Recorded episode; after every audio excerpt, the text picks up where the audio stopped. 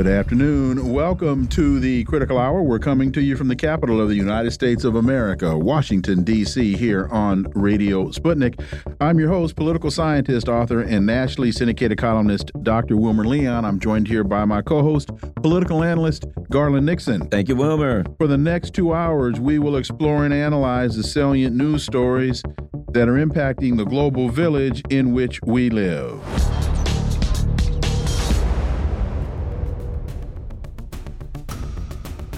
The New Arab reports Israeli army chief warns his forces can destroy any village in Lebanon as tensions with Hezbollah mount.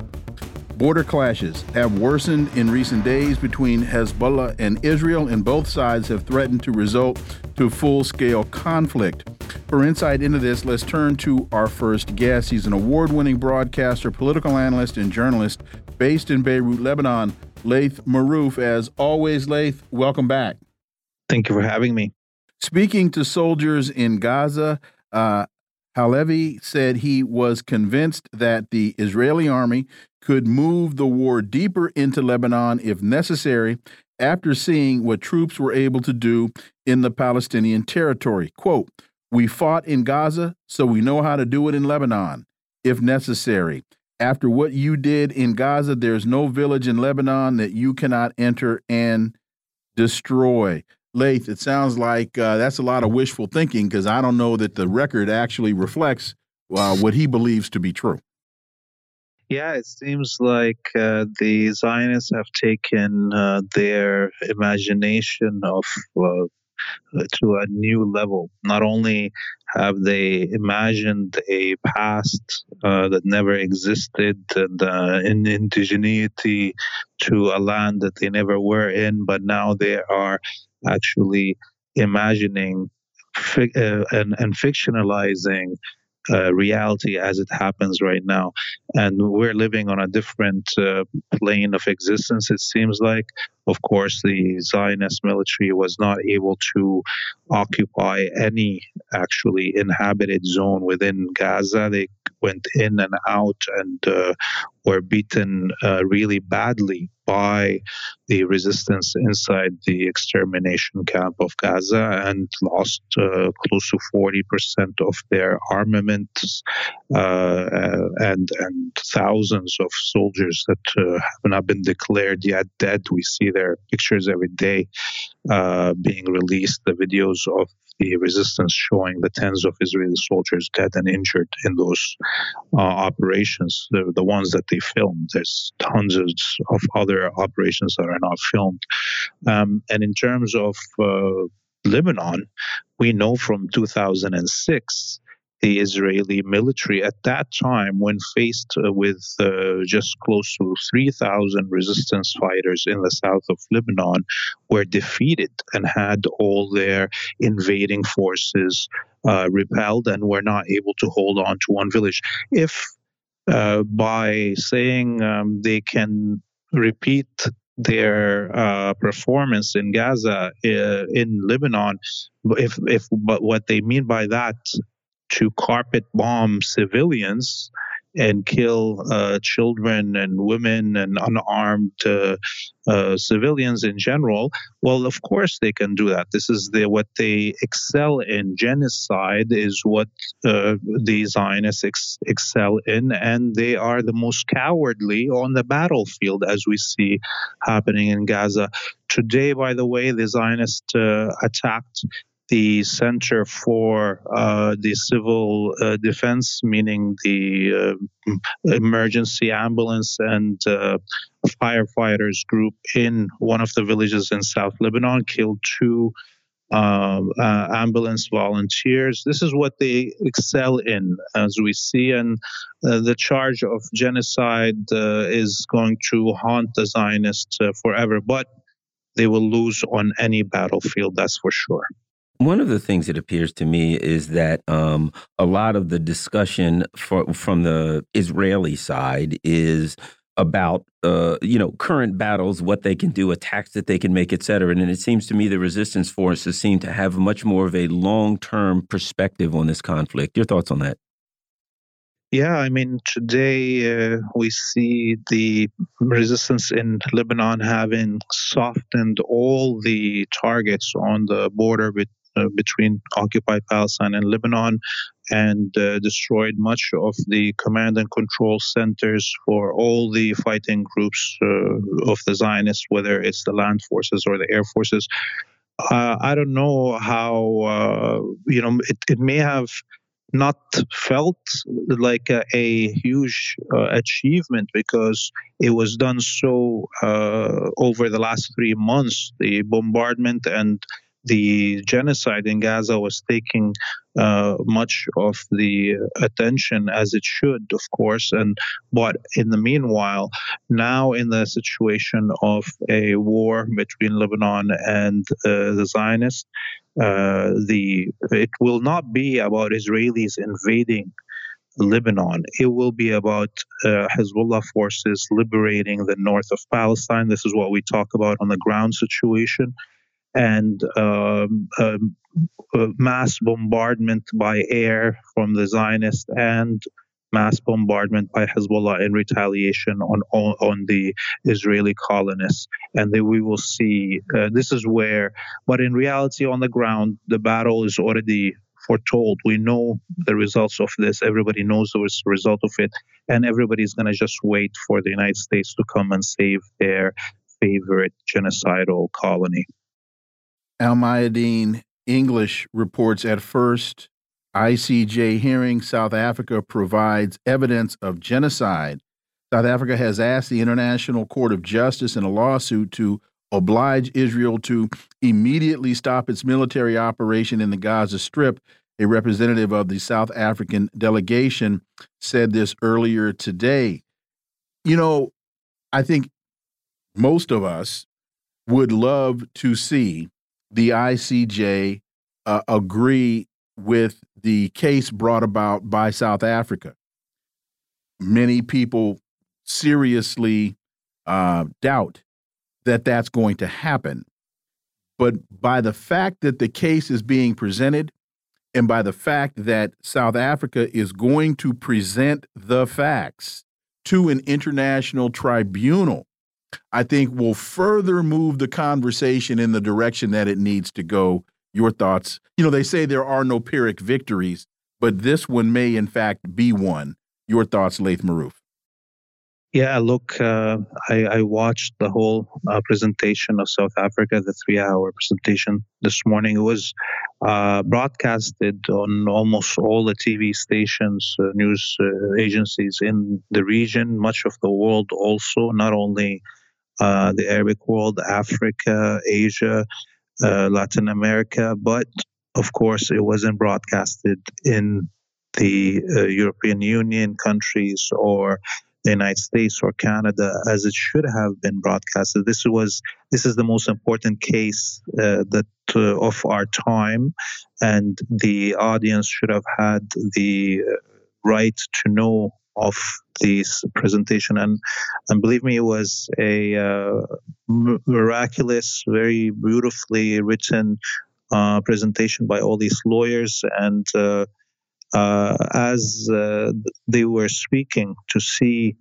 South African uh, nationals coming to stand in The Hague where the Dutch colonizers came from to uh, represent the Palestinian people against a colonial uh, entity that is supported by the former colonizers of South Africa, the former genociders of South Africa, in itself was uh, poetic, I think, for much of uh, people in the south of this planet that lived these uh, and are still living uh, the effects of colonization and the quest to fully decolonize.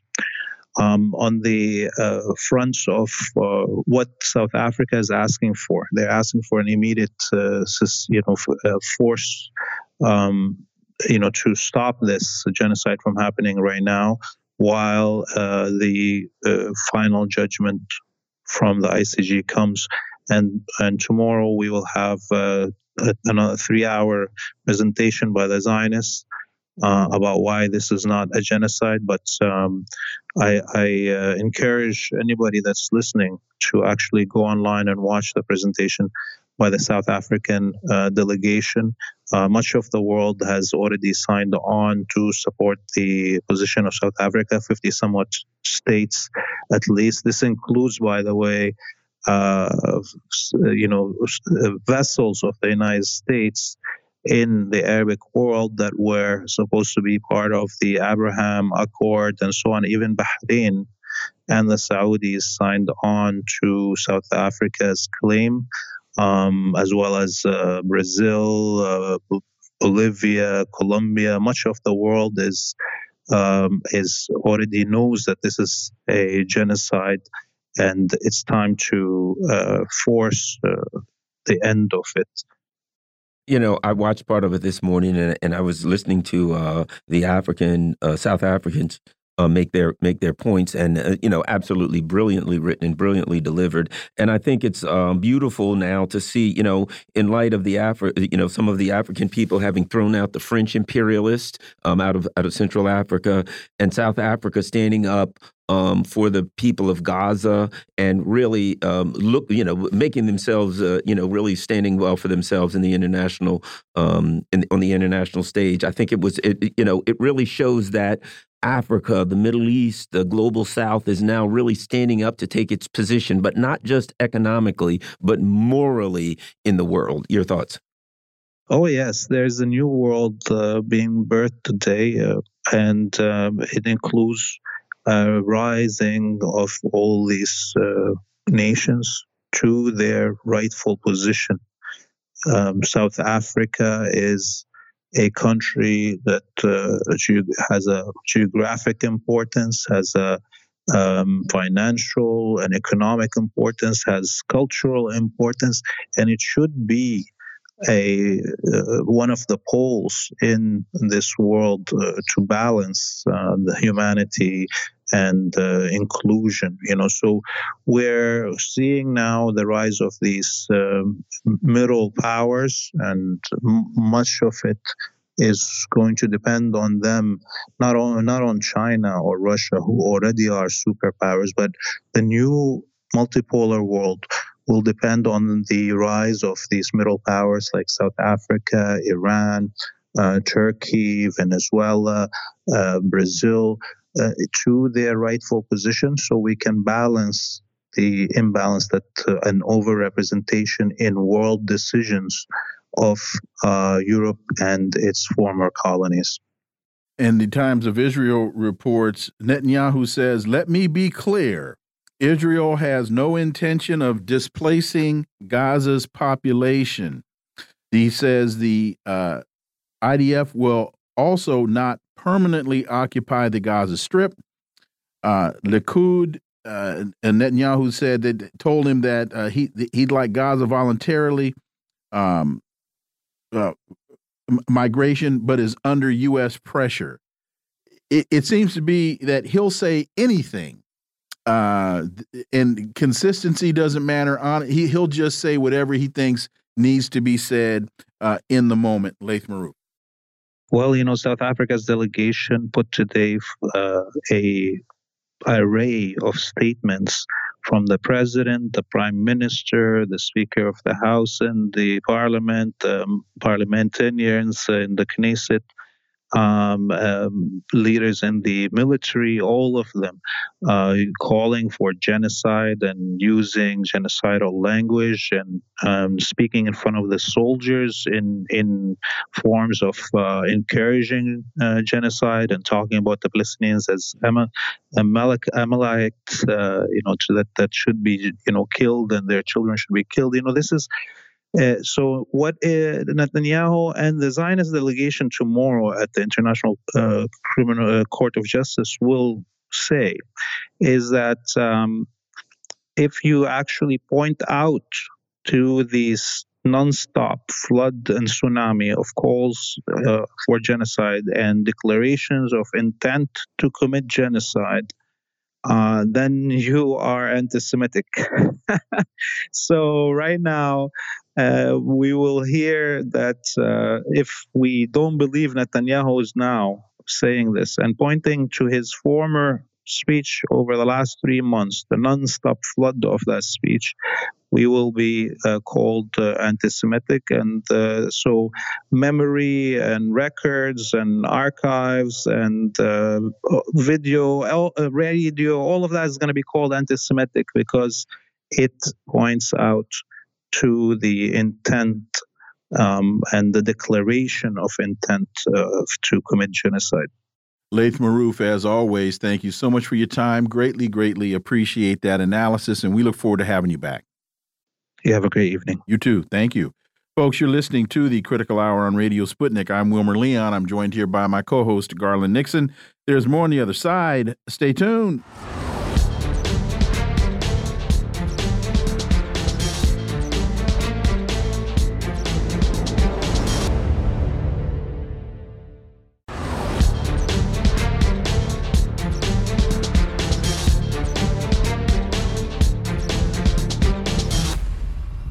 We are back, and you're listening to the Critical Hour on Radio Sputnik. I'm Wilmer Leon, joined here by my co host, Garland Nixon. Thank you, Wilmer. RT reports ex Ukrainian MP, member of parliament, calls for corruption charges in Biden's impeachment probe. Andrei Derkach claims U.S. officials are shielding graft in his country. What's the significance of these claims? For insight, let's turn to our next guest. He's a Moscow based international relations and security analyst, Mark Sleboda. As always, Mark, welcome back. Dr. Leon Garland, thanks for having me. It's always an honor and a pleasure to be on the critical hour. So, the Republican led effort to impeach President Biden should include an indictment for facilitating corruption in Kiev. Former military MP Andrei Derkach said in an interview that was published yesterday. Your thoughts uh, on this, and we see what's been transpiring with Hunter Biden in uh, in Congress, and now he's in California uh, dealing with uh, tax evasion issues. Uh, your thoughts, Mark Sleboda? Yeah. Um, so uh, there's a, a, whole interview out there. Uh, the uh, Italian uh, and and U, U.S. Uh, citizen, dual citizen uh, journalist uh, Simona Mangiante. She did an an hour long interview with Andrei Der- Derkach, and Andrei Derkach is a former. Ukrainian Rada member, you know, an MP, a member of their of their legislative body. Um, he was one of those opposed to the Maidan from the beginning. Uh, his background is in Ukrainian intelligence, so uh, he's he's not uh, nobody. Um, of course, uh, he has actually been um, sanctioned uh, by the United States. Um, he is is accused of interfering in the 2020 election, I guess, by pointing out Biden's corruption.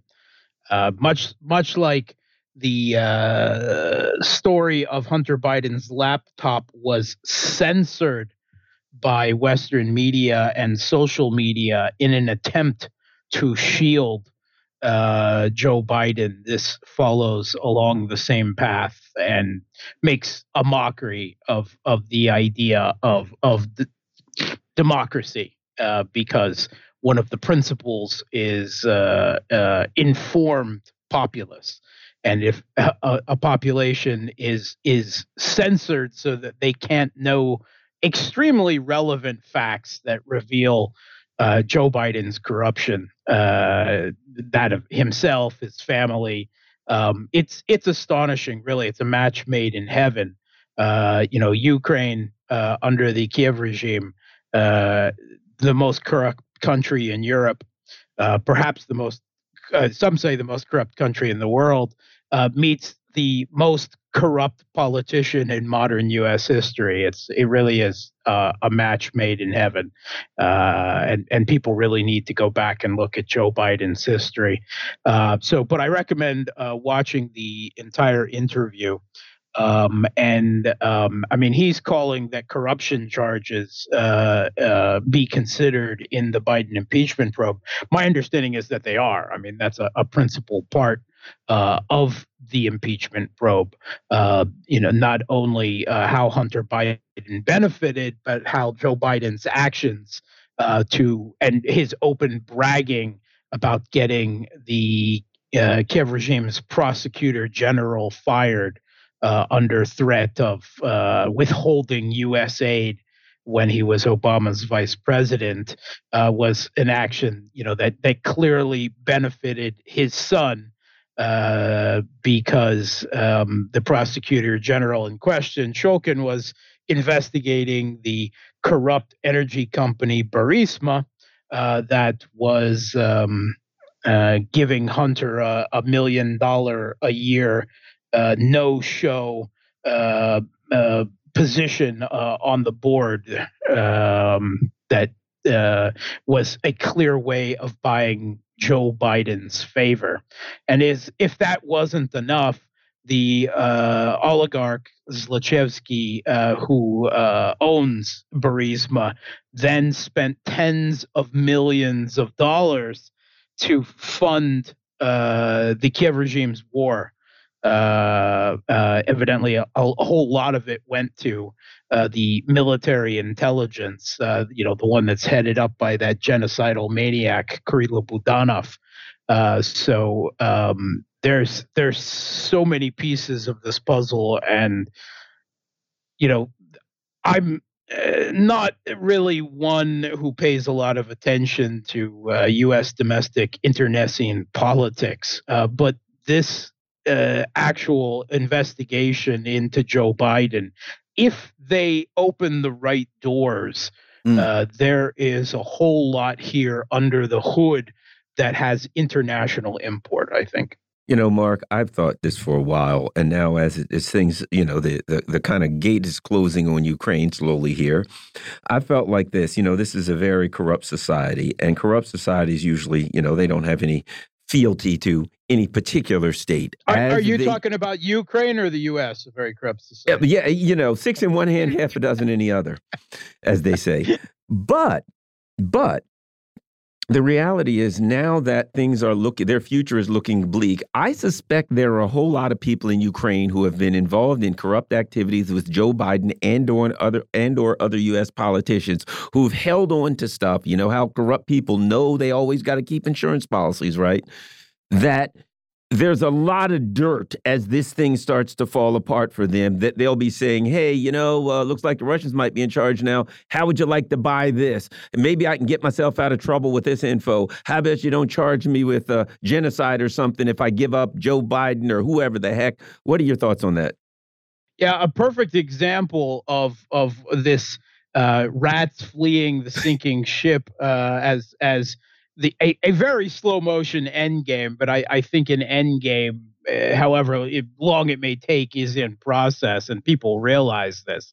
The uh, mayor of Kiev, the former Ukrainian boxer Vitaly Klitschko, uh, who was one of the three uh, leaders of the U.S. backed Maidan Putsch, at least the public faces of it, um, and um, he uh, was intimately involved in this same corrupt energy company. In fact, Hunter Biden pushed for um, Klitschko to be brought into Burisma as a as a political cover, as a roof, a protection against things like the prosecutor general's uh, investigation. Uh, and he has just bought a six million dollar mansion uh, in Germany obviously a retreat palace that he's uh, setting up for himself uh, for for the uh, inevitable uh, end game here, however long it takes uh, to play out. But that you know, there's there's uh, so much circular corruption here between the leaders of the Maidan and Burisma and the Bidens. it's it's just like um, a corruption orgy. You know, Mark, you just mentioned there's a lot here if they choose to open the right doors. And that takes me to the point of what is the value of this entire uh, investigation in terms of the U.S. Congress? Is it more valuable to them as a political talking point and as a, a bludgeon or the sword of Damocles over Biden's head versus actually getting to the root of the issue and holding those thieves that are thieving accountable? Yeah, that's the problem, of course. And I tend to think it's obviously far more the former that this is a, as you rightly put it, a bludgeon to be used during a presidential election year uh, to score cheap political points. That's why I'm afraid they won't open the right doors because that will call into question, that will question a whole lot about U.S. foreign policy, and all this money has been spent, and all the people that have voted for the continuation of this. That's why I think they're going to, unfortunately, dance around this corruption I- uh, issue and avoid the uh, overall obvious implica- uh, the implications for wider U.S. foreign policy with regards to Ukraine. I don't I don't think they're going to open that door, unfortunately, and they're just going to keep it on a shallow level. That I I hope to be proven wrong on that one. And and just real quickly, Garland, I'm waiting for I don't know Rachel Maddow to to to play the the the video of Joe Biden saying that I can get this guy fired and and I'll withhold U.S. money unless they fire this guy, and then say, Mr. President, can you please explain what this meant? I'm I'm waiting for that. Uh, sorry, Wilmer, that's Russian propaganda, isn't it, Mark? Oh, oh, my bad. I think that's Russian propaganda. Truth, truth, truth, truth does tend to be Russian propaganda.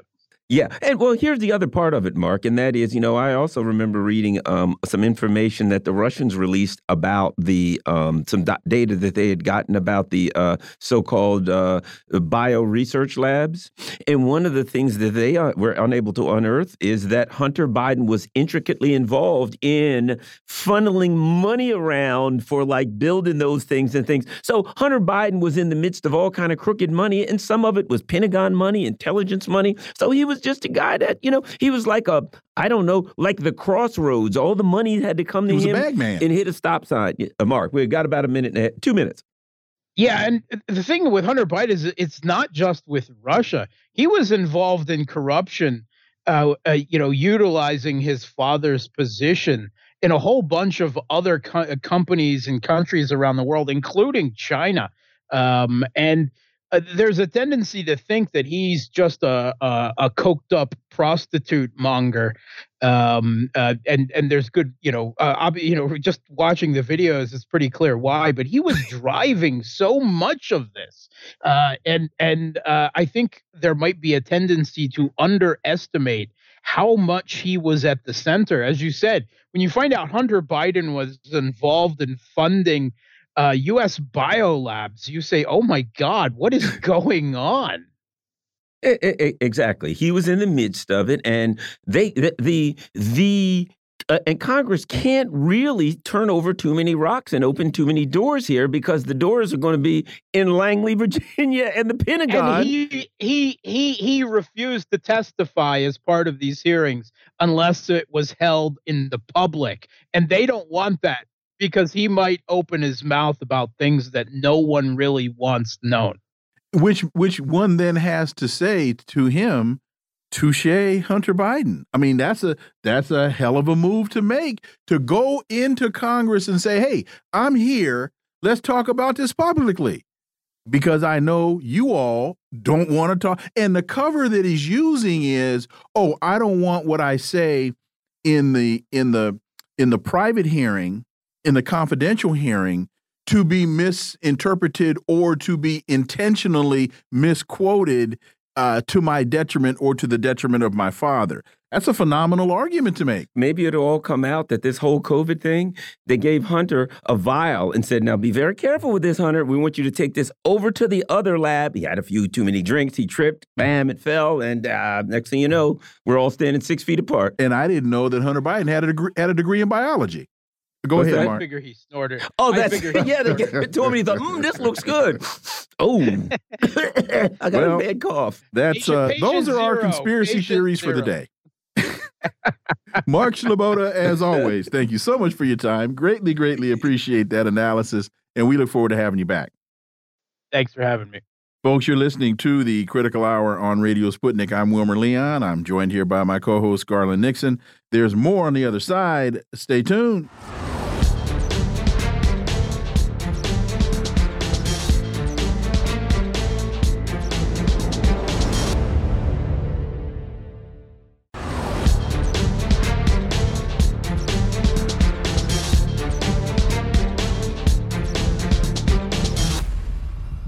We are back, and you're listening to the Critical Hour on Radio Sputnik. I'm Wilmer Leon, joined here by my co host, Garland Nixon. Thank you, Wilmer. Black Agenda Report has a piece entitled Ban the War Criminals from King Day Celebrations. Martin Luther King Day celebrations should be serious occasions for people who oppose what he called the giant triplets of racism, extreme materialism, and militarism. Instead, they've been turned into opportunities for promotion of corporate America and slick politicians who work on behalf of the very forces that King opposed. For insight into this, let's turn to our next guest. She's the senior editor and senior columnist at Black Agenda Report and author of Prejudential Black America and the Presidents, and the author of this piece, Margaret Kimberley. As always, Margaret, welcome back. Thanks so much. You continue. Every year, his memory is degraded with shallow analysis of his famous I Have a Dream speech as if it was the only speech he ever gave, and sanctimonious blather from the black misleadership class, big banks, and other malefactors. Margaret Kimberley. Yeah, I uh, have long been concerned about the way that uh, King's birthday, uh, an official federal holiday for 40 years now, uh, the way that it is celebrated. Uh, too often, these are uh, official celebrations. Uh, to very often in churches, politicians, of course, want to show up. We, of course, they do. But I believe that if you're honoring King, then you should not have a member of Congress who votes for war, who votes for austerity, who votes for all of the things that King fought against. Um, it's um, uh, it's time. excuse me. It's an opportunity to really honor King, and what these uh, this day ought to be is a day for those who are aligned uh, with his uh, message. You know, towards the end of his life, especially the last year of his life, he, when he publicly came out against the war in Vietnam. Uh, he spoke about uh, having policies, which I don't know if he used the word socialism, but that is what he seems to be describing and talking about. He lost his life.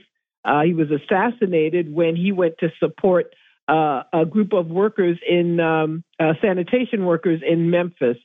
So uh, it's it's time to call a halt to uh, you know every corporation uh, will have a King Day celebration and they'll say something on Twitter the FBI, the CIA, the military, all of these uh, institutions whose existence is antithetical to what King spoke for. And it's time to put a stop to the cynicism, uh, the politicians and others who uh, uh, actively work in opposition to everything King wanted to stop allowing them to join this um, uh, in this occasion and for people to really study what King said and did and to acknowledge that on that day. You know, uh, Margaret, I think that's really wonderful. And, and, and the way I see it is this it's reclaiming King's legacy. Martin Luther King was a revolutionary guy. He was an anti war guy, an anti system guy. He, cri he criticized capitalism, militarism, etc. But the, the U.S. empire rewrote his life into he's just some saintly Moses, let my people go kind of guy. He was only a leader of free my people. And they, they completely wrote out the revolutionary, aggressive, assertive part of Martin Luther King. And it sounds to me like what you're saying is let's reclaim the legacy and let's push those people aside and saying you can't be a part of his legacy because you're in opposition to everything he stands for, Margaret. Yes, absolutely. And I think people should also be very vocal and say to their church or to whatever organization that their senator or congressman wants to show up for, I'm not going because you're going. I'm not going to be there. Uh, Chuck Schumer here in, in New York State, very leader of uh, uh, the Senate, a very powerful politician. He runs to Israel and, uh, to help start the genocide.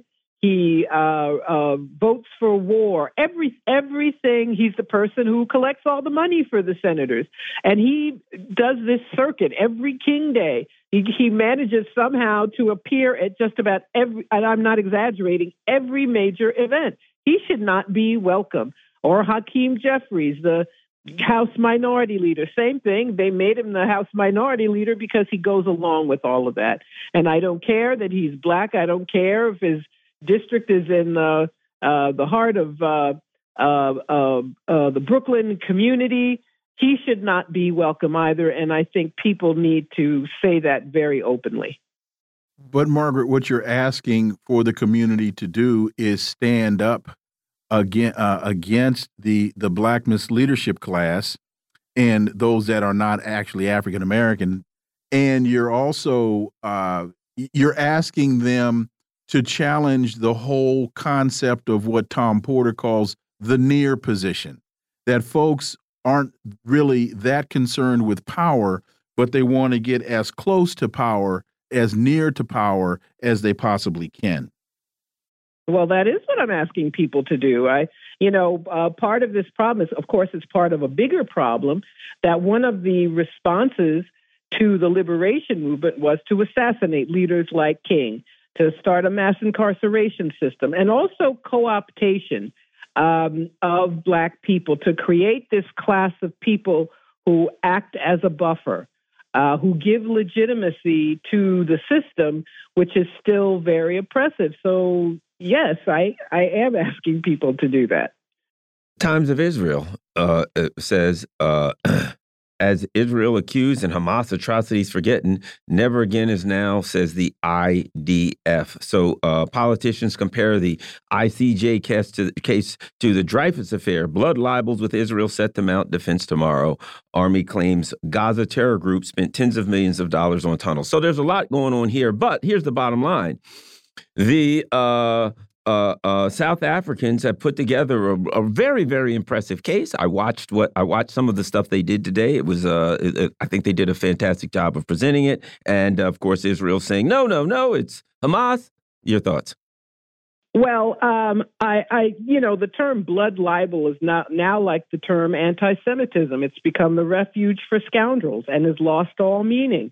Uh, now it means nothing more than anything that uh, uh, discomfits uh, the Israeli state.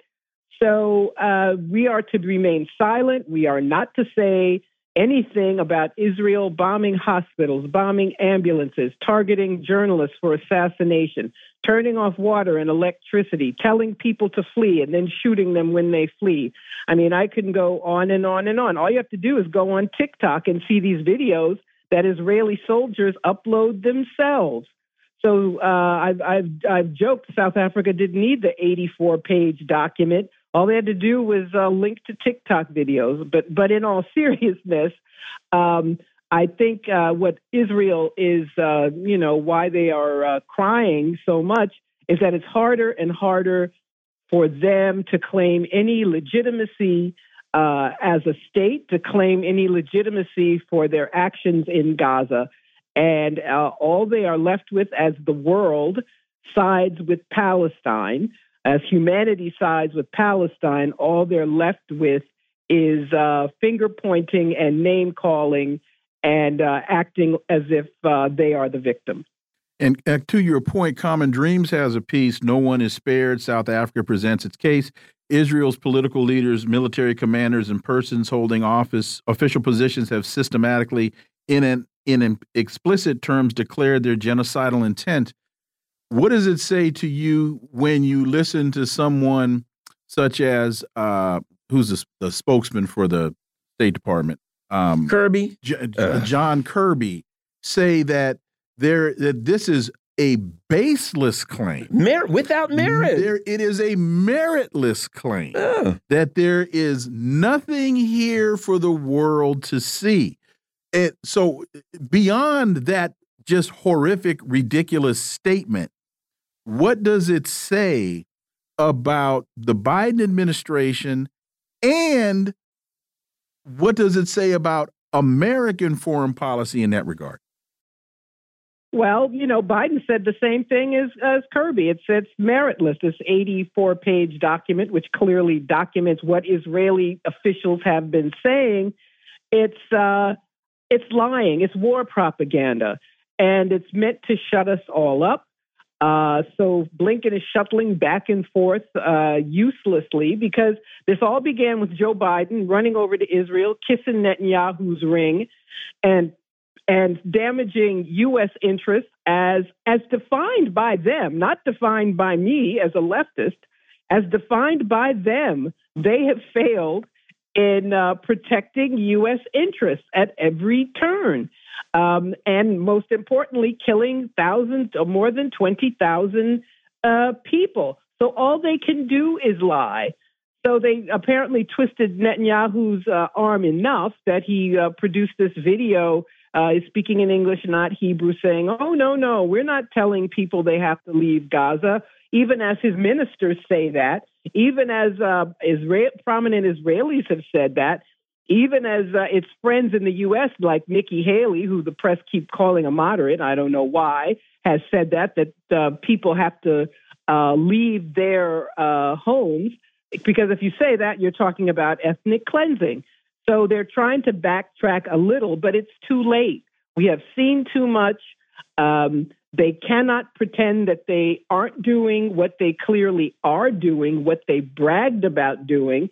And the fact that, uh, you know, Biden may uh, or Blinken may say, we've talked to the Israelis about limiting civilian casualties. They're still giving Israel weapons and going, making an end run around Congress in order to do it. And, and final question on that point, because as Netanyahu is saying, it is not our intention to permanently displace Palestinians. That also then factors into this whole idea that the conflict started on October 7th with Hamas going into Israel, because that statement totally ignores the entire issue of the right to return. And for 75 years, Palestinians have been claiming and demanding a right to return, as many have been displaced from their homes, displaced from their villages, and have become refugees in countries all around the world. Yes, absolutely. So, this is, you know, the Nakba, as they call it, the catastrophe has been ongoing. And it's not just, uh, you know, they keep talking about Hamas. On the West Bank, Israeli settlers are, are chasing Palestinians out are threatening people, harassing them, in some cases, killing them. So there is ethnic cleansing, and uh, they can't call it anything else. The idea of a two state solution is something the world has dithered about because the U.S. doesn't uh, want that to, to happen, the U.S. and its friends. But now the die has been cast, and everyone has to take a stand. Margaret Kimberley, as always, thank you so much for your time. Greatly, greatly appreciate that analysis, and we look forward to having you back. Thank you so much. Folks, you're listening to the Critical Hour on Radio Sputnik. I'm Wilmer Leon. I'm joined here by my co host, Garland Nixon. There's more on the other side. Stay tuned.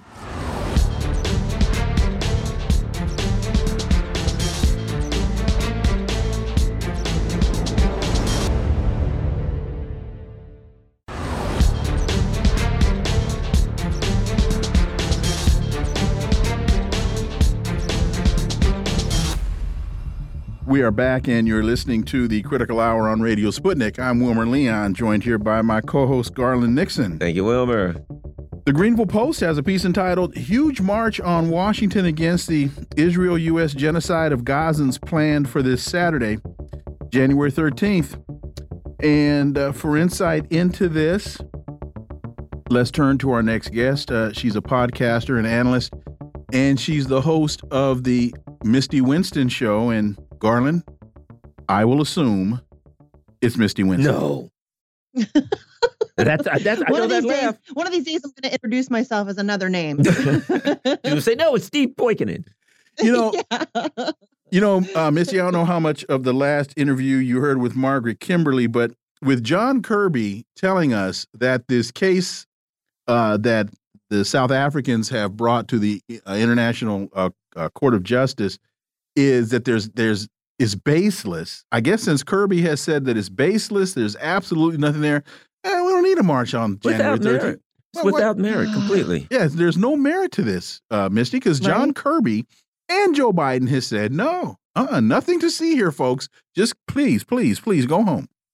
Yeah. Well, obviously, John Kirby has all kinds of credibility when it comes to this issue, right? Uh, clearly, we should be listening to what he says. Um, John Kirby's a turd. You know what I mean? Like, the, he is, um, obviously, that's what he's going to say. The idea that he's trying to pretend as if this, uh, the South African case uh, for genocide against Israel has no merit is just beyond absurdity. Uh, Israel has been very open, very honest, and very public about their uh, genocidal intentions. There's a whole host of um, uh, uh, Netanyahu being on camera and uh, you know being quoted numerous times uh, talking about at the very least ethnic cleansing, um, and then also uh, obviously their genocidal intent. He's not the only one. There are numerous high-level Israeli officials who have been talking about that, um, and so obviously the Biden administration wants to see this go away. They don't want a, a, a march to take place on January 13th, um, but it's going to because I think that uh, this is this is not going to go away. I think there are uh, millions, perhaps billions of people all across the globe who see what Israel is doing for what it is. And I think that these marches are going to continue.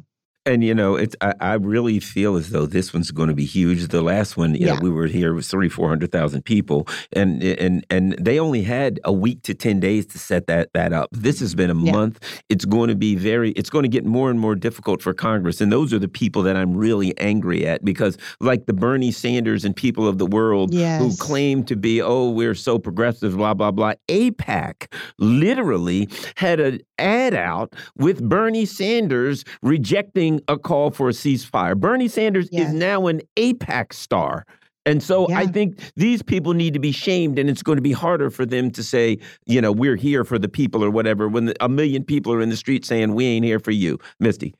Yeah, Bernie Sanders disgusts me. And listen, he has disgusted me since uh, you know, he decided to um, you know, cower before the establishment, refused to take the mountains of evidence that WikiLeaks gave him to uh, uh, show that the 2016 primary was rigged against him, and he decided to instead um, endorse the human embodiment of everything that he claims to stand against. Um, so I've n- I've not been a fan of Bernie Sanders since then, but this uh, this is just, I mean, it's just unreal that this guy uh, who claims to be all about human rights and progressivism and all of this stuff, uh, won't even call for a ceasefire. Now, he has very tepidly started to make certain uh, statements like, oh, we need to end the brutality against Palestinians, but he still won't call it what it is. He still won't use the word genocide. He won't use the word ceasefire. He's an absolute coward. And you're right. When AIPAC starts using you in their tweets as like um, an example of Israeli support, you need to rethink your entire life. I mean, it is just, you need to start uh, questioning your life choices, Bernie. Uh, so yeah, I think that you're right. I think that these members of Congress, as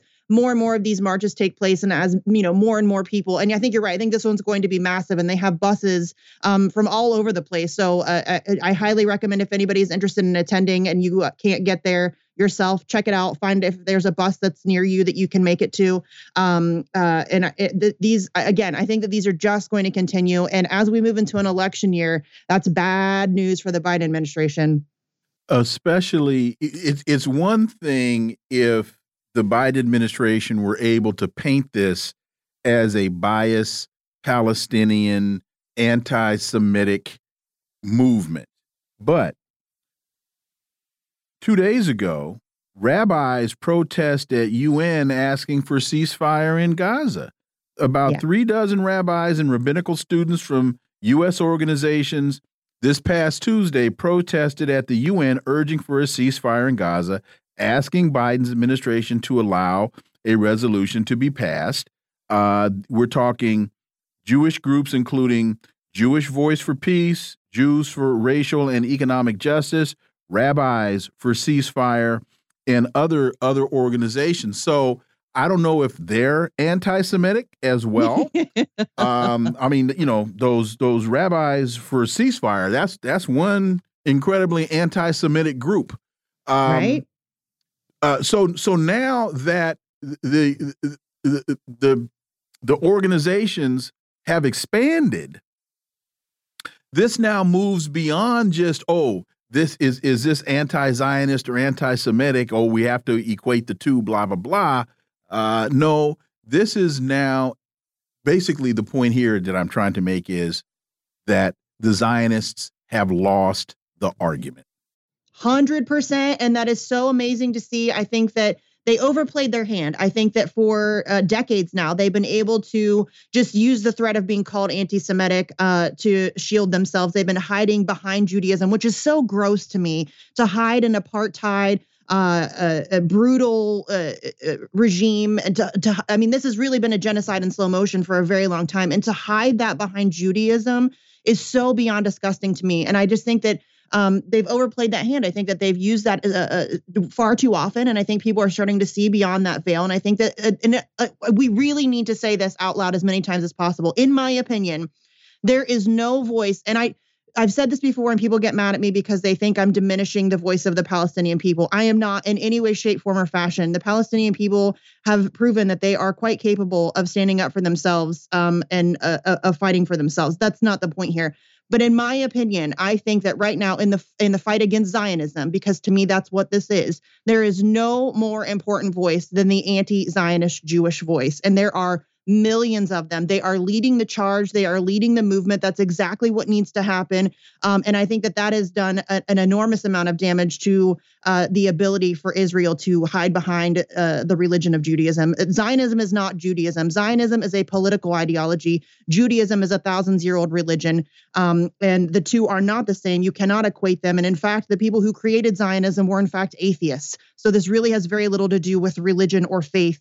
Um, and that is just the cover that they've been hiding behind for a very long time to uh, justify what they're doing. Just really quickly, I, I don't understand why anybody would would begrudge you or take uh, exception to your making the statement that you just made because what what I understand you to say it's not that those other voices uh, are saying anything that the Palestinians aren't saying. It's about resonance. It's yes. a it's about because the Palestinians have been very clear in this position for 75 years. Nobody is saying anything new. It is a Dr. King did the same thing with having the children protest and uh, with the whole nonviolent movement. He wasn't so much appealing to African Americans. We knew the deal. We were suffering it and continue to suffer it every day. He was really appealing to the hearts of Amer of of white Americans to say, look at what your country is doing to your own countrymen. Yeah, and that's exactly it. That's exactly what I mean. I think that um uh you know it it, it just lends so much more um, uh, uh, power, I think, when it is in fact Jewish voices who are speaking against Zionism and saying, "No, you're not going to use our religion to justify this genocide," um, because that's, I mean, they are they've co-opted and bastardized an entire religion. They they put the Star of David on the bombs that they send to crush Palestinian children, and I think that the Jewish voices speaking out against that. Again, it's not. I, it, my intention is not to diminish Palestinian voices, as you just said, but I think that it lends another level of authenticity and another level of um, clarity, I think, to what this fight is actually about. And I think that those Jewish voices are um, you know, uh, they've just become unbelievably powerful. And I think that the fact that they're leading a lot of these rallies and marches, I think is uh, it, it's just it's incredible to witness. Julian Assange's lawyer warns his life is at risk if the final UK appeal against extradition to the US fails. Your thoughts? Well, this is this is uh, uh, obviously something I've been very passionately involved in for a very long time. These uh, the next two court dates are taking place in February uh, in London on the 20th and the 21st. Um, if any, if you are anywhere near London and you can get to those uh, to the court on those dates, please do. Um, we need as many bodies there as possible. We need as loud of a voice as possible as we can outside those court uh, outside that courthouse uh, on those days. And uh, Jennifer Robinson, the lawyer you're speaking of here, is absolutely right. Listen, Julian Assange has been um, struggling for a very long time. His health has been declining for a very long time, and that's both physically and mentally. Obviously, Uh, I think nobody would be surprised that a guy who has been in some form of incarceration for over a decade would be struggling mentally. Um, he's dealing with uh, autism and uh, depression and all of that uh, stuff that you know uh, goes along with being uh, locked up for that long and isolated. He's essentially in solitary confinement 23 hours a day um, and he's in really dire, uh, uh, really dire circumstances. But also physically, I mean, he has been dealing with underlying health conditions. He was unable to get proper medical care for a very long time. Um, and so he has been struggling. And I think that if he uh, is uh, essentially extradited, which is what these uh, two court dates, that's what hinges here uh, on those two court dates, is whether or not he will be extradited. Uh, that's bad news. And we've been warned about that for a very long time, which is why we need as many people to show up as humanly possible. And we have just probably about a minute left what does it mean if if he loses his appeals? What do you think is really going to happen? Because the last thing Joe Biden wants is Julian Assange on U.S. soil. Yeah, well, I think, uh, and I have my own. I mean, there's, I have my own theories here. I think that almost certainly they're going to approve this appeal. They want to drag it out along as long as possible. We've known that's the plan that was released when WikiLeaks exposed the Stratfor files. They're going to deal with their Assange problem by tying him up in legal stuff for the next 25 years. That's exactly what they're doing. So I think it's very likely that they will go ahead and approve the appeal because that uh, permits them to drag it out for some more months. But uh, we'll see. Nothing. We never know what's going to happen on the Assange stuff. Misty Winston, thank you so much for your time. Greatly, greatly appreciate that analysis, and we look forward to having you back. Thanks, fellas. Always good to talk to you. Folks, you're listening to the Critical Hour on Radio Sputnik. I'm Wilmer Leon, joined here by my co host, Garland Nixon. There's another hour on the other side. Stay tuned.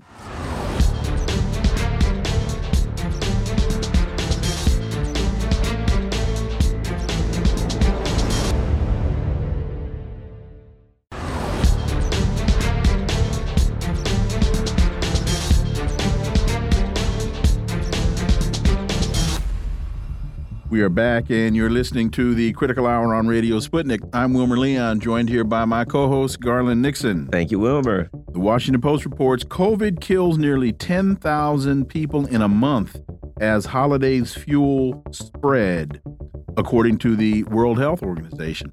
Almost 10,000 coronavirus deaths were reported in December, and admissions to hospitals and intensive care units surged. WHO uh, the general director said that with data indicating that holiday gatherings fueled increased transmissions of the virus, how concerned should we be about this current flu season and the variant of COVID?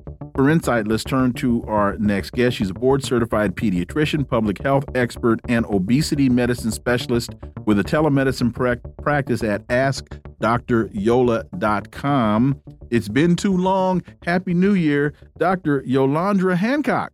Welcome back. Thank you guys so much for having me. Happy New Year to you. So, although COVID 19 is no longer a global health emergency, the virus is still circulating, changing, and killing. Sounds like an emergency to me. Uh, Dr. Tedros said at a news conference in Geneva. Uh, your thoughts, Dr. Hancock? How concerned should we be? I definitely believe that we should be concerned um, when we can't really rely on case numbers anymore because, as we've talked about before, either folks aren't getting tested or they're testing at home. Wastewater has been what we've been used to measure COVID 19 transmission. That means the stuff you flush down your toilet, uh, scientists actually look at to see what the viral load is in that water. And when we look at viral load in water now and those wastewater levels, they're 27% higher than they were last winter. So, based on that number alone, we know that there's more COVID 19 transmission happening this year than there was last year.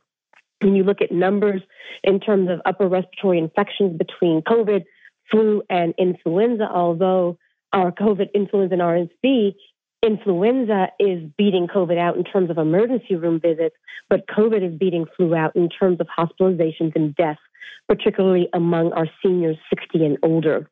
What I found surprising was just how few of our seniors are being vaccinated against COVID 19. Only 17% of individuals are collectively have been vaccinated against um, COVID 19, but even smaller percentage have been vaccinated in the nursing home population. And you know, based on our previous experience and what the numbers show, our seniors are disproportionately impacted by COVID. I have to take strong opposition to one thing that you said, Dr. Uh, uh, uh, Hancock. That seniors are 60, 60 and over. I resemble that remark. but other than that, um, the, uh, uh, uh, flu. I you, so I had to think about it myself. Yeah, I'm a little uncomfortable with that. Makes my back hurt just thinking about it. It's the arthritis. But um i know there's like a nasty flu uh flu around. I know several people that have been i mean not, this is like the old school flus knocked to the ground. What's up with that? And now and i know one person i think they got tested. They had covid and the flu at the same time but what's up with this flu? Yeah this flu this flu has been something else this season. So one the flu season started a little bit later than we usually expect uh, we start seeing our first flu cases sometime in September, or October. Uh, we didn't really start to see cases until the latter part of October, which means the flu season is likely going to last longer.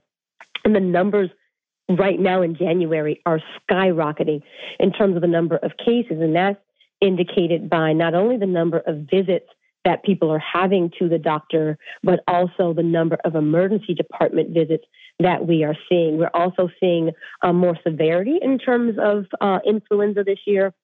Even in the face of the vaccine, um, folks are clearly still getting flu. The whole purpose of the vaccine is not to prevent you from getting flu, but to have less severe symptoms. And based on data, we are seeing that people who are vaccinated against flu are having less severe symptoms. Um, right now, about uh, 45% of people 18 and older have received an influenza shot. It's important to differentiate what infection you have. I want to make sure listeners know that there is a test that can differentiate between RSV, flu, and COVID. And the reason why that's important is because we have at least two treatments for three of them. With flu, we have Tamiflu, which can minimize or decrease the, the level of symptoms the severity of illness if it's taken within the first 72 hours, and that medication is available for children six months all the way through seniors. Ha ha ha. Um, for COVID, clearly there's Paxlovid, and it's indicated for children and adults. Kids have to be at least 12 years old and weighing at least 88 pounds. Uh, uh, talk about the difference in, because uh, we have this article here from NPR. Flu and COVID are on the rise, and they say in most U.S. states, Respiratory illness levels are currently high. A few viruses have been driving the up, upward trend, including flu, which is very high, and respiratory uh, uh, virus or RSV. So, for particularly for for elders like Garland Nixon, if you could, uh, and I'm older than he is, if you speak to this respiratory illness versus just the flu. Sure. So collectively, all three of those are defined as respiratory illnesses. We differentiate it even further by upper and lower. So you can have an upper respiratory infection, that's from your throat up to your nose, and lower respiratory infection from your throat down to your chest. So upper respiratory infection, nasal congestion, cough, sore throat. Lower respiratory infection, a little bit of sore throat, laryngitis, bronchitis, bronchiolitis, and pneumonia the way that we sort of differentiate between the three is one dependent on symptoms and two dependent on age. Specifically for RSV, for children under the age of three, they're going to have those lower respiratory infection symptoms. Uh, they have what's called bronchiolitis because their air tubes are so tiny. Instead of it being bronchitis, it's the tiniest of their air tubes that get infected and cause symptoms like wheezing, difficulty breathing, and then can progress to pneumonia. For um, older children and adults, RSV usually causes an upper respiratory infection. Cough, runny nose, headache, maybe a little bit of fever. For both COVID and flu, it can be a little bit tricky. For COVID, you can be completely asymptomatic, as we've talked about before. You could have pretty moderate cold symptoms, or it can be as severe as symptoms like the flu. The flu is the big dog. That's the one that's going to cause muscle aches, headaches, high fever. Like you're not going to have flu and not know it. When you have muscle aches and fever, one of the things I want you to do is make sure you ask for a flu test because, again, there's a medication that can decrease symptom severity and your risk of having a bad outcome. And that's how we sort of differentiate between the three in terms of symptoms. Well, you know, uh, we all now this time of year, you know, we go outside, we have sniffles, we get a little cough. These things are, you know at what what would you advise someone at what point or, or let's say you have a child or a, you know a senior that you're responsible for at what point should we start getting concerned where we want to of course give them a test or whatever but of course maybe take them you know at what point do you take them to the emergency room call a doctor or what have you I so love that question, Garland. That is a brilliant question. If you have runny nose, light cough, maybe even a mild fever, right? 100.4, nothing higher than 100.8. I'd say stay home for a couple of days, convalesce, take some fever reducer and whatever your over the counter cough and cold medicine du jour is. When those symptoms progress to body aches, significant fever higher than 101, difficulty moving throughout your day, you just feel fatigued, your um, the discharge from the nose goes from clear to yellowish green. It doesn't necessarily mean that you need antibiotics. I want to make sure I'm clear there, but it may mean that you have a more significant infection. You can get yellow or green boogies with a cold. Right now, I'm battling a cold. And my boogies are not clear. That's all I'm going to say. But I do, I do know that I don't need antibiotics because I'm just dealing with a cold because I took a test for COVID and flu. But if you're having those symptoms collectively, then I would suggest at minimum first doing a COVID test so that you know what your status is. If you have COVID, you reach out to your healthcare provider and hopefully through a telemedicine visit, you can just get some Paxlovid. But if you're unclear or you're having more severe symptoms, I would, or your child is having more significant symptoms, inclusive of that high, higher fever and muscle aches, go on in and get evaluated. Florida Surgeon General calls for a halt on mRNA COVID vaccines, citing debunked claim. Florida's top health official called for a halt to using mRNA coronavirus vaccines yesterday, contending that the shots could contaminate patients' DNA, a claim that has been roundly debunked by public health experts, federal officials, and the vaccine companies. And we're talking about Florida Surgeon General Joseph Ladapo. Let me take a deep breath before I delve into this. Well, it's just an embarrassment to medicine that someone in such a high position would perpetuate such ridiculous claims. Clearly, he either failed microbiology or just somehow didn't meet that requirement in going to medical school. Anyone, a high school student, maybe even some middle school students who've taken cellular biology understand that our, nu- our DNA is protected by our nuclei. Our nuclei house the DNA, and unless we are somehow manipulating cellular structure to inject an mRNA vaccine through the nucleus of a cell into the DNA, it's just it's it's just nonsense. I used to work at Scripps when I was in high school, where I literally had to extract cells from mice under a microscope in order to take a pipette to inject RNA and DNA into their cells in order for us to be able to grow certain things. So not only do I have the educational experience of having taken several microbiology courses, I also have the scientific experience of having done it in laboratory work. Anyone who's taken a microbiology class knows that this is just plain malarkey and for someone with a medical doctorate to put this out, not just in social media, but literally in a briefing coming from his office, to me, it's malpractice.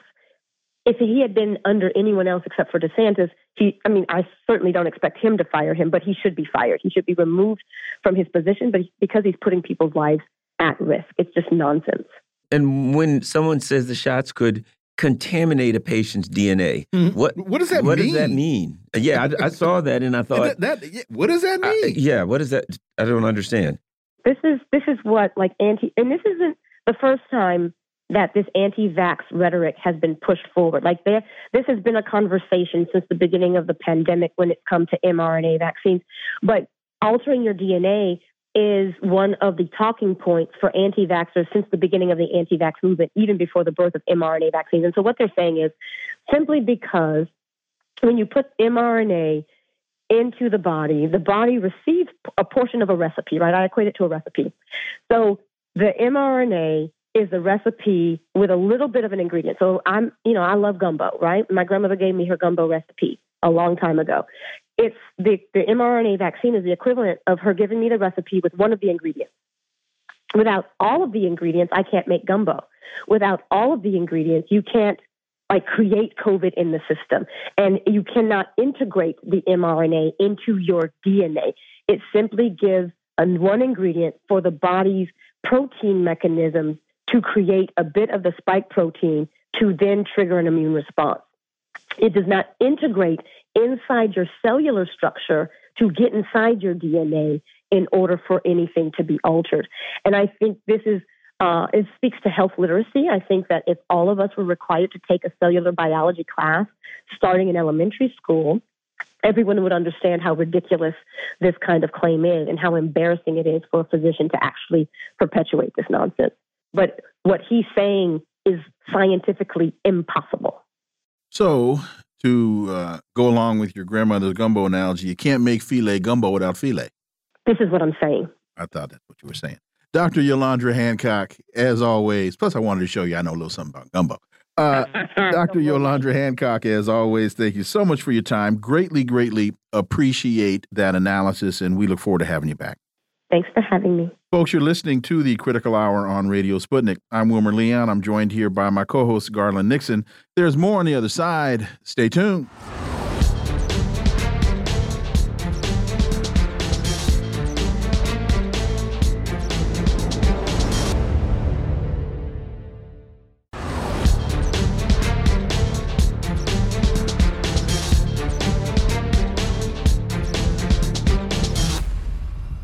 Are back, and you're listening to the Critical Hour on Radio Sputnik. I'm Wilmer Leon, joined here by my co host, Garland Nixon. Thank you, Wilmer. Common Dreams has a piece entitled No One is Spared. South Africa presents genocide case against Israel at ICJ. Quote Israel's political leaders, military commanders, and persons holding official positions have systematically and in explicit terms declared their genocidal intent. This was from one of the South African lawyers at the uh, at the UN court. For insight into this, let's turn to our next guest. He holds the John J. and, and Rebecca Moores Chair of History and African American Studies at the University of Houston. One of the most prolific writers of our time. His latest books are entitled "I Dare Say," a Gerald Horne reader, and "Acknowledging Radical Histories." Dr. Gerald Horne, as always, welcome back. Thank you for inviting me. Well, and let me let me also say not only are you a, a, brilliant historian, but you're also an attorney, which is one of the reasons why we are so uh, looking forward to your analysis here. South African representatives argued before the ICJ today that Israel is engaged in a genocidal assault on the Gaza Strip, subjecting the enclave to merciless bombing with the clear intent to wipe out the Palestinian population.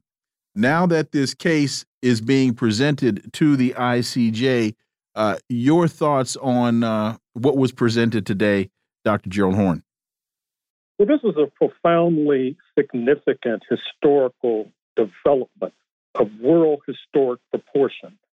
Number one, you saw graphically in the courtroom in The Hague the fact that the baton in the Pan African world has been passed officially from Black Americans to South Africa.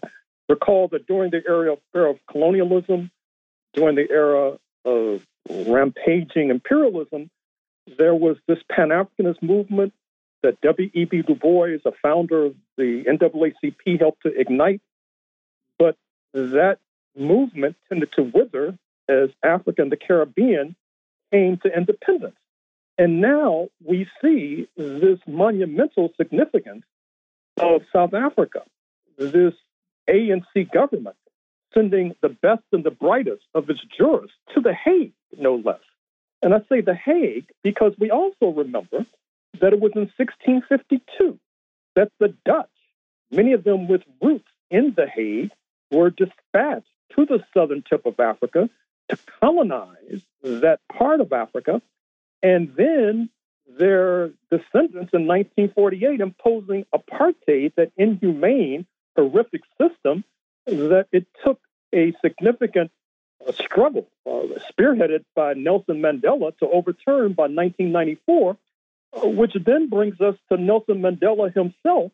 Uh, it's no accident that a statue in his honor had been erected on the west bank of the Jordan River because we know that Mr. Mandela was famous for saying that South Africa's independence would mean little unless and until Palestine was free. And so we see that once again, Mr. Mandela's words have been vindicated because we also know that uh, during the battle days of apartheid, that Israel was collaborating with the apartheid authorities, despite the fact that the apartheid authorities were violently anti Jewish, despite the fact that Israel supposedly was going to uplift Jewish people all over the world, and they decided not to do so when they turned their backs on the persecuted Jewish community of South Africa. But alas, what that meant was that many of the persecuted Jewish community of South Africa then aligned with Nelson Mandela's African National Congress. I'm speaking of Joe Slovo, Lithuanian Jewish descent, who became the leader of the armed wing of the ANC. Ruth First, killed by a letter bomb while in exile in Mozambique.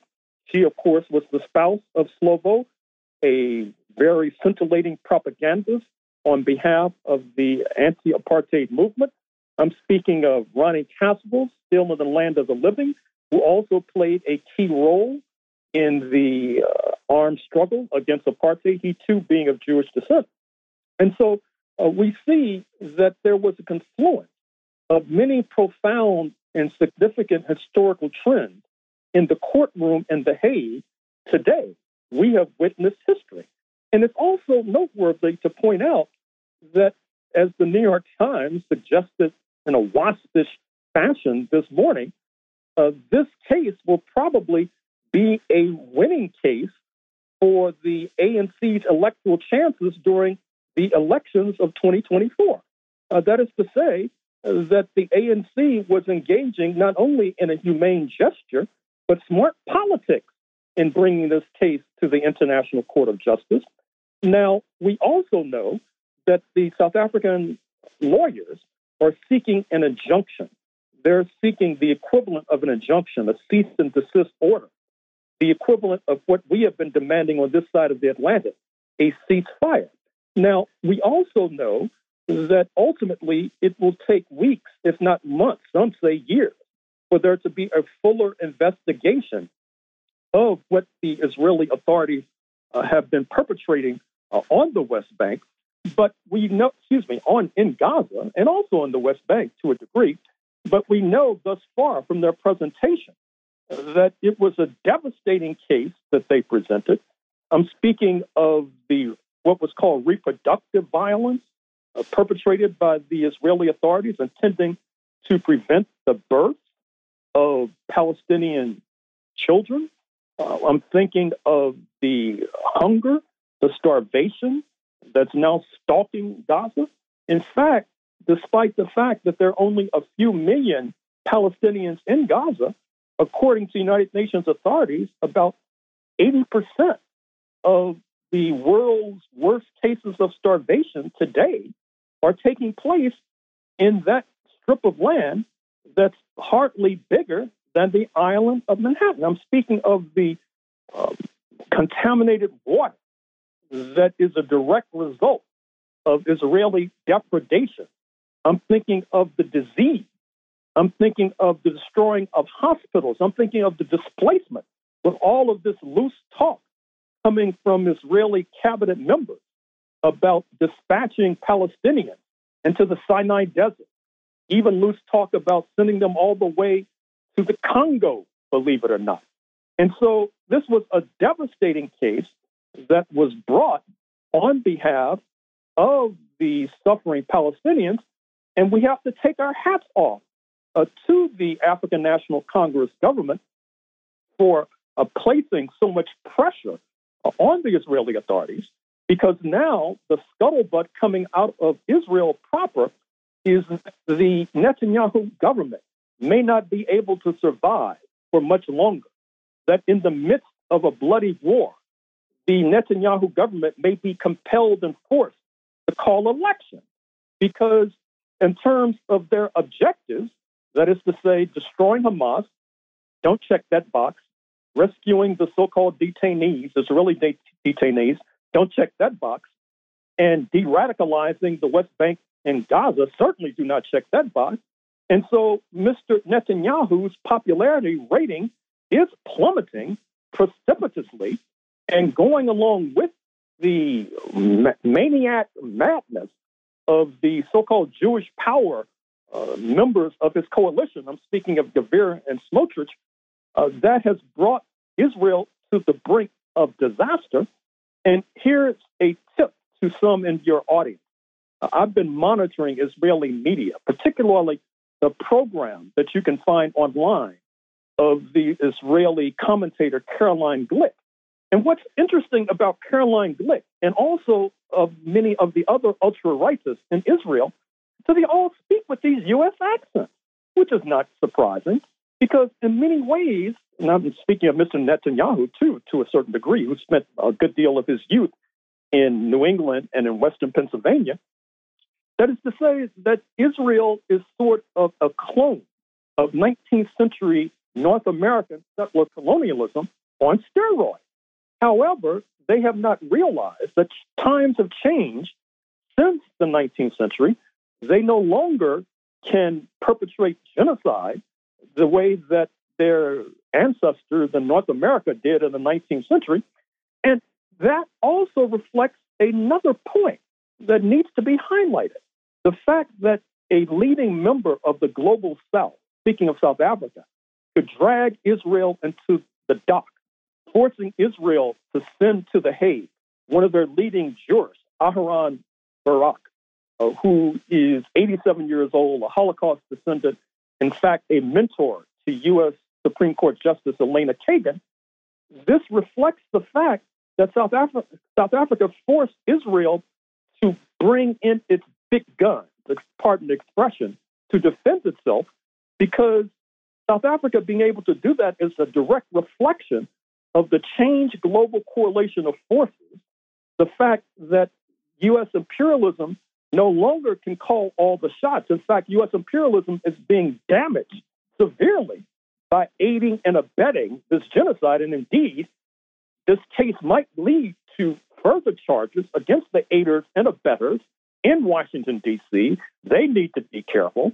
And this is a reflection of a new world order that is totally unlike what was enunciated three decades ago by then U.S. President George H.W. Bush. And so we should also take heed of what South Africa, South Africa is doing.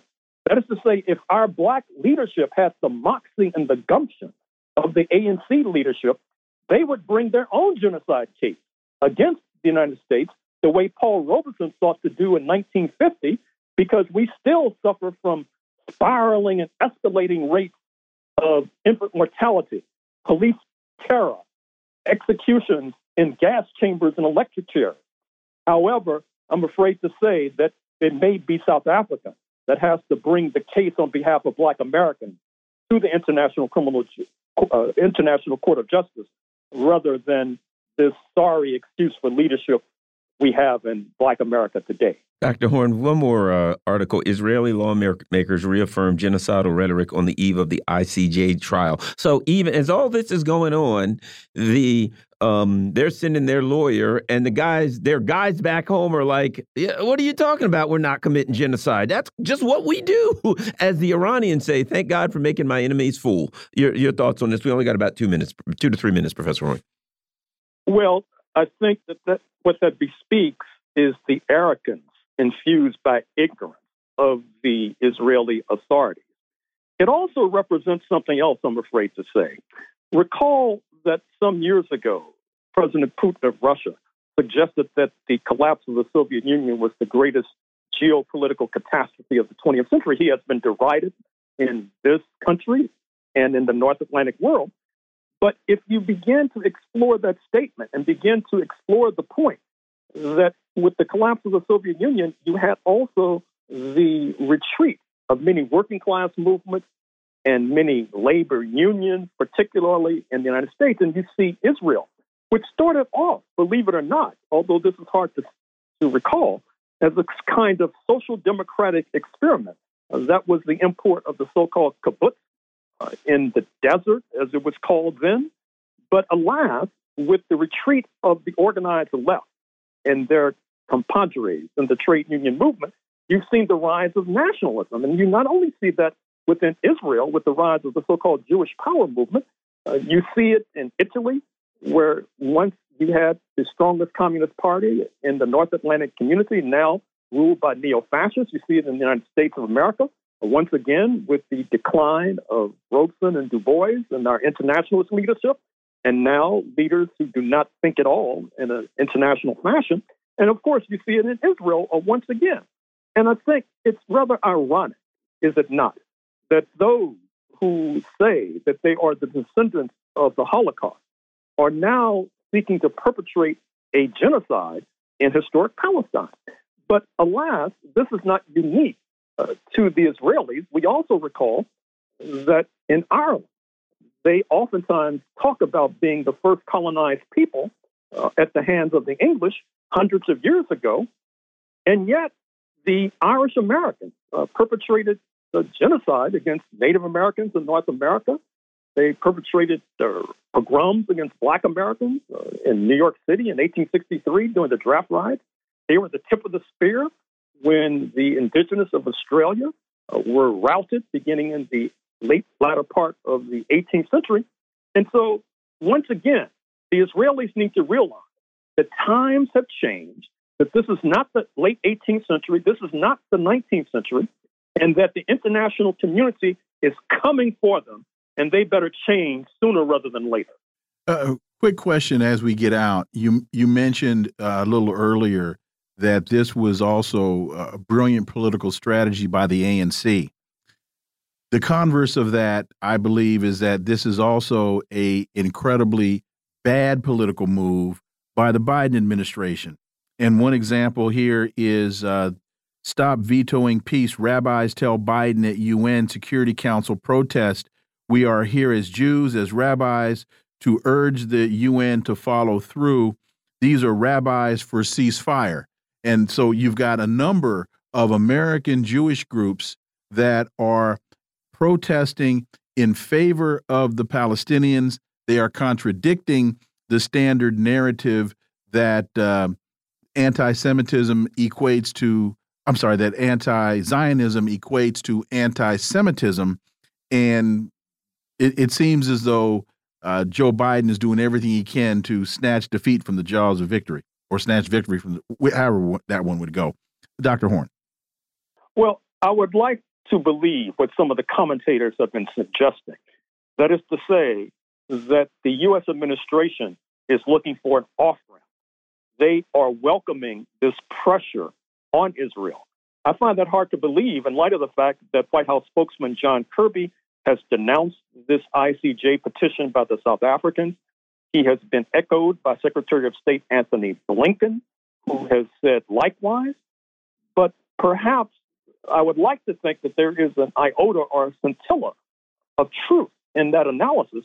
In any case, what's going to happen is that international momentum is growing so ferociously that even if the Biden administration does not welcome this ICJ case by the South Africans, like the Israeli authorities themselves, they may have no choice but to accept its import and accept this cease and desist order that I am confident will be coming from the ICJ. Recall that the ICJ also includes lawyers from Russia and China and Brazil and Lebanon, amongst others. They only need eight votes out of 15. I am confident that those eight votes will be garnered, and I am also confident that Palestine will be free, and to coin a phrase, from the river to the sea. Dr. Joe Horne, as always, thank you so much for your time. Thank you for that analysis. We look forward to having you back. Thank you. Folks, you're listening to the Critical Hour on Radio Sputnik. I'm Wilmer Leon, joined here by my co host, Garland Nixon. There's more on the other side. Stay tuned.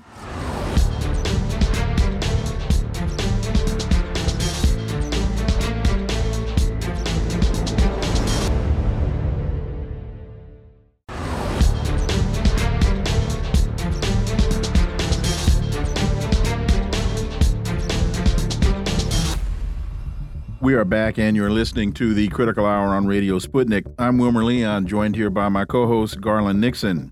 Thank you, Wilmer. The Hill reports U.S. sending unofficial delegation to Taiwan after elections. The U.S. will send an unofficial delegation after the island nation concludes a high stakes presidential election Saturday. This is a senior administration official saying that the delegation will include former high ranking U.S. officials, but declined to identify who would be sent and when. Are they sending the party planners, Garland, or are they sending the mop up crew? For insight, let's turn to our next guest. He's a peace activist, writer, and teacher, KJ Noh. As always, KJ, welcome back. Thank you. Pleasure to be with you. Quote Given our unofficial relationship with Taiwan, we often send these high level unofficial delegations of former government officials to Taipei. This official said, quote, We have a decades long tradition of doing so, end quote. Biden has sent unofficial delegations comprising former lawmakers, military officers, diplomats to Taiwan uh, before in April 2021 and February 22. So, KJ, they send unofficial delegations to transact official business and to say we've been doing this uh, uh, for a decade. Well, that's not a long tradition in in in the in the pantheon of international relations. Uh, that sounds more like an explanation for convenience. KJ, Noh. Yeah, it's a, uh, it's an excuse. What they're doing is they're sending in this official, unofficial delegation, and essentially it's constituted. It will be made of deep state heavyweights. You know, regardless of whether they are in power or not, we know that they're movers and shakers. Certainly, they represent U.S. policy and U.S. policy sending a message. Essentially, they're saying to China, we will continue to rub our nose, uh, your nose, uh, in the one China policy, which we no longer uphold. Uh, and as far as we're concerned, you know, we will have our way, and you know, there's nothing you can do about it. Uh, I think it's very, very foolish, given the fact that the U.S. is at least trying to give lip service to pretending that it wants to de-escalate. To send anybody at this point would be extraordinarily foolish. They say, well, you know, we need that personal, uh, direct communication. There's nothing that you can't do without a Zoom call these days. So just the, the fact that they're wasting taxpayer money to send a large group of deep state heavyweights over uh, to congratulate their quisling candidate, you know, I think is just extraordinarily foolish. Uh, and once again, it's stirring the pot for more trouble. And when they say the delegation will meet with the president elect to discuss U.S. priorities and policy with Taiwan, we already know what U.S. policies are to turn uh, Taiwan into Ukraine 2.0. Um, it certainly seems as though they're confident that maybe they're, shall we say, input into the electoral process in Taiwan will be effective. And if it's not, then I guess they'll be ready to threaten whoever wins that you know may not if if their uh, their uh, machinations don't work out to their liking. Yes, you're absolutely right. But you can tell that they're very very confident about the uh, the outcome. And this is because, you know, they have had, you know, uh, undue influence on it. And certainly the DPP, which is the de facto Quisling uh, U.S. Uh, client uh, administration is very, very likely to win. Uh, among the reasons for it is because there was a coalition between the opposition KMT and uh, TPP, and the U.S.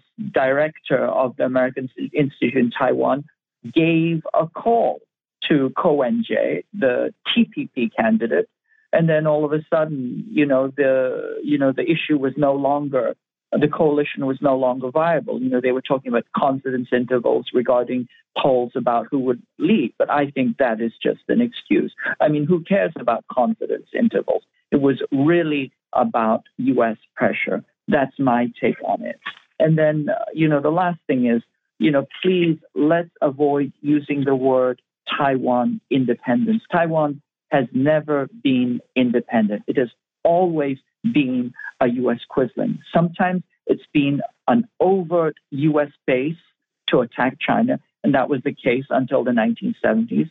And then it switched into uh, a kind of a covert U.S. base, doing the kind of dirty work of the U.S. empire, uh, things that were so dirty that they couldn't be done directly by the CIA. It was a covert, uh, you know, U.S. Uh, U.S. base, and now it's shifting back into an overt U.S. base again. And this will be kind of the the seal of that with uh, this new administration. Is this also a preemptive move by the United States to to prevent the presumed winner in Taiwan from coming to the United States? As he had said uh, earlier, you know, he can't wait to celebrate here in, in Washington. Is this a way of uh, heading that off at the pass? Because it's one thing for the United States to send a delegation, uh, as I said in the open, the party planners, and another thing I think to uh, to try to have him come here and, and have a party here. I think you're onto something there. You know, there is a real concern that uh, William Lai is uh, is a kind of a, a, loose cannon that he, that he's just kind of uh, will be, you know, exceeding his uh, Quisling mandate. And he has said that he wants to celebrate in Washington and go over to Washington as soon as he's elected. So this may be a way of heading that off because, you know, the U.S. wants this continued escalation and provocation but it wants to titrate that provocation on its own terms and not on the basis of whatever loose cannon they happen to have uh, put into place. Uh, uh additionally, South, South China Morning Post re reports China and Russia push for Israel Gaza ceasefire and two state solution as foreign ministers vow to boost BRICS influence. And it's what's interesting is South America is a BRICS country, and they are at the lead of the uh, the the, uh, the the move at the uh, International um, Court of Justice. South Africa. I mean, yeah, South Africa. What did I say? South America. South America. Yeah. South Africa. Uh, at least I didn't get uh, uh, North Korea uh, mixed up with North Carolina, which, which I usually do. Your, your thoughts? Well, that's a common mistake. KJ. Well, I mean, here China is once again uh, putting down what is understood internationally. You know, the two state solution is what is agreed to and understood internationally. And prior to this Israeli genocide, even Hamas would have been amenable to a two-state solution. But it's clear that uh, Netanyahu and you know this uh, current administration have no uh, no no interest. They essentially want genocide, ethnic cleansing, uh, and they want a one-state solution where the Palestinians are completely purged from the territory. And so, in this uh, situation, I think a two-state uh, solution is you know, it's it's the best uh, uh, legally mandated and recognized solution that we can put forth at the current moment. I mean, an ideal world would have a one-state solution uh, and not an Israeli-dominated one-state solution. But currently, this is what is internationally recognized. Uh, and so China and is encouraging itself and Russia and other countries to put itself you know, put their weight behind it, to use their good offices, and uh, more than that, uh, most urgently, to uh, implement a rapid ceasefire. What does this say to you, if anything, about the growing power of BRICS? Because it, it the story could have been China and Russia will work together uh, to enhance the international influence. But by adding China and Russia will work together to enhance the influence of BRICS, well, that's a, that, that's adding another level of of validity, of international validity and power to to BRICS. You're absolutely correct. And you know, once again, let's point out that BRICS is already a huge bloc that has a vast economy that controls vast uh, amounts of energy uh, it has a huge population, and therefore it's showing, it's demonstrating the power of multipolarity through this agglomerated BRICS bloc. Uh, you know, once again, you know, let's not forget that, for example, in the genocide uh, submission, you know, there uh, one third of the planet has come out directly supporting this case against Israel. And so I think it just shows the strengthening multilateralism uh, of this pluripolar order that we are entering right now. KJ Noh, as always, thank you so much for your time. Greatly, greatly appreciate that analysis, and we look forward to having you back. Thank you. Always a pleasure. Folks, you're listening to the Critical Hour on Radio Sputnik. I'm Wilmer Leon, joined here by my co host, Garland Nixon. There's more on the other side. Stay tuned.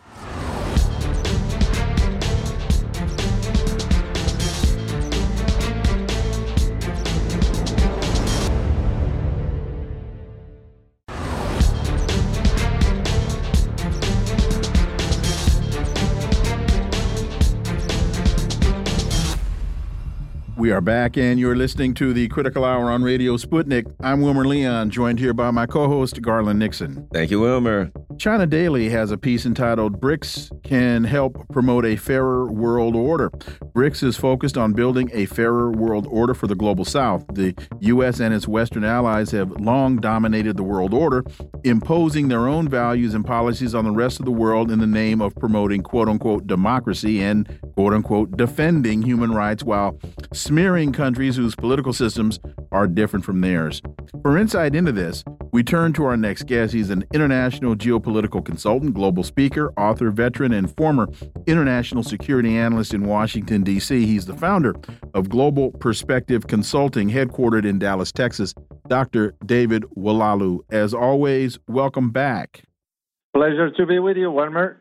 So the piece continues worse. They've been bullying some emerging market and developing economies, forcing them to take sides in disputes with countries that don't adhere to the Western centric ideology and policies. And let me add to that, uh, David, the, the, the point that, you know, we listen to John Kirby as uh, South Africa has brought the case against Israel to the International um, uh, Court of Justice. And you've got uh, uh, Kirby coming out and saying this whole thing is baseless. There's absolutely no value uh, to this case at all. Um, that just again to me validates the point about uh, bullying and and and so on and so forth. Your thoughts, Doctor Oualaalou? Well, John Kirby has no shame. Shame on a, on, on a former military that that betray the honor of you know upholding the law and the truth and it's just shame once they get into these positions, they kind of just forgot about all that. Um, I had a chance to listen to the proceedings in South Africa for the ICJ, and and and the cases that he brought forward against Israel are spot on. I mean, I am sure the U.S. is going to undermine what it's going to undermine is the Geneva Convention itself, Article 9, if I'm not mistaken. They already started on it. But this is now becoming clear to the world that the war crimes have been committed. We, as the United States government, have been supporting that, and the perpetrators should be brought to justice. If we are to say we uphold the law, if we are to say we are a nation of laws, if we are to say that uh, uh, the the whole world ought to operate, you know, under that fair justice and so forth. Well, here is an example. So for John uh, uh, Kirby to be saying that this is nonsense and baseless, shame on him. So that, that's that's all I have to say for that guy because it, it's just a shame. And this exactly tied to your introductory as far as the BRICS, as to why we're trying to undermine the the uh, the, the global South in not buying into what BRICS is going to do. Dr. Oualaalou, you know, the, I have heard it said that the U U.S. empire may, you know, or would likely try to use this conflict in the Middle East, where there, you know, Saudi Arabia is a new and Iran, new BRICS company countries, um, to undermine the BRICS um, bloc. However, with Saudi, I mean, excuse me, South America being, you know, at the forefront of this, it seems to me that this is this will likely strengthen support, uh, moral support for the BRICS bloc around the world. Your thoughts? Well, you're absolutely correct, Garland. The idea that now the Saudis have moved forward with their plan. As a matter of fact, what has not been reported here in the West is that the, and I was aware of it because I kept up with those kind of uh, uh, developments, the sovereign funds from the Gulf states mainly moved to the east. And when we talk when we talk about sovereign funds, that's usually just for your listeners to know, those are uh, uh, monetary aspects that tie to investments, projects, mega projects, and so forth. And those will not be in a few millions, but those are in a serious billions of dollars. They have moved east. Where the concern the United States has is that once OPEC declare officially that all its transactions in oil is going to be conducted in other currencies besides the US dollar. So far, we do have Saudi Arabia and China trading in their own currencies. You got, of course, Russia and China, even though Russia is not an OPEC, is an OPEC plus. You have China, uh, you have uh, Iran rather. So this is where the fear, because the process of the de-dollarization, I'm here to tell you, is irreversible and is going faster than we anticipate. Look no further as to where now our Secretary of Treasury, where is she? She's in Egypt. Why in Egypt? Is the fear that Egyptians is going to have to, because we want to pressure them to sell assets if they want an IMF. We want to give them IMF. Basically, we want to keep them down. When you go to Latin America to tie it to this BRICS, you see what Brazil, what the Argentinian new president Javier Milei just did. He did not want uh, uh, Argentina to join BRICS. He was ordered basically to take that stand. Some have said for the better because Argentina has a lot of debt, over $42 billion in IMF loans. So it works out in any event. But for BRICS, its upcoming summit in Russia, 2024, it's going to be a sign for unity. That's how I see it. And is uh, Janet Yellen in Egypt as a result of the most recent uh, Egyptian elections where Al Sisi won? So she figured that that now that he's back uh, in power or continuing to be in power, that she had to go there to kind of put the hammer down. Exactly. It's because there's a fear that following there, there, there is one agreement between that was made you about a year and a half to two years ago, if I'm not mistaken, between Russia and Egypt. And we got concerned about that. Second thing, regarding the, to tie it to what's going on in Gaza, Egyptians have moved their brigades to the, to the uh, Sinai desert. And there is the concern. If we all know anything about the Egyptian military, it's not a, it's a, it's a big, a big size military. It's strong, given how many uh, armored divisions they have. It's well well armed, and there's that concern. Uh, I mean, well, of course, we're not going to see uh, what happened back in 1967, or even with Yom Kippur, the surprise attack on Israel. That ain't going to happen. But the fact that Egyptians taking stand on their own by moving their their military there, but at the same time, we want to pressure them on the financial aspect to keep them in debt. That is the reason why. But because Egypt was also invited to BRICS, so you can just see where things are moving uh, as far as the West can't do anything about the success of BRICS moving forward. Where the challenge is going to be for BRICS is going to be with India. India is considered the weak link inside BRICS, and it might undermine the progress of BRICS as a whole. Nearly three years after deliberately severing the supply of cheap energy from Russia, Germany finds itself in a precarious situation as the largest economy in the European Union plunges into recession. And of course, we're seeing the social and political ramifications as people are taking to the streets. The farmers are freaking out, and uh, Olaf Scholz is down to like 14% or something. Uh, your thoughts, Dr. Oualaalou? Well, you're right. You're right, Garland. There were protests. I have a family lives in Germany. We talk. As a matter of fact, one thing that has not been reported here is that there have been calls inside Germany for the removal of the government.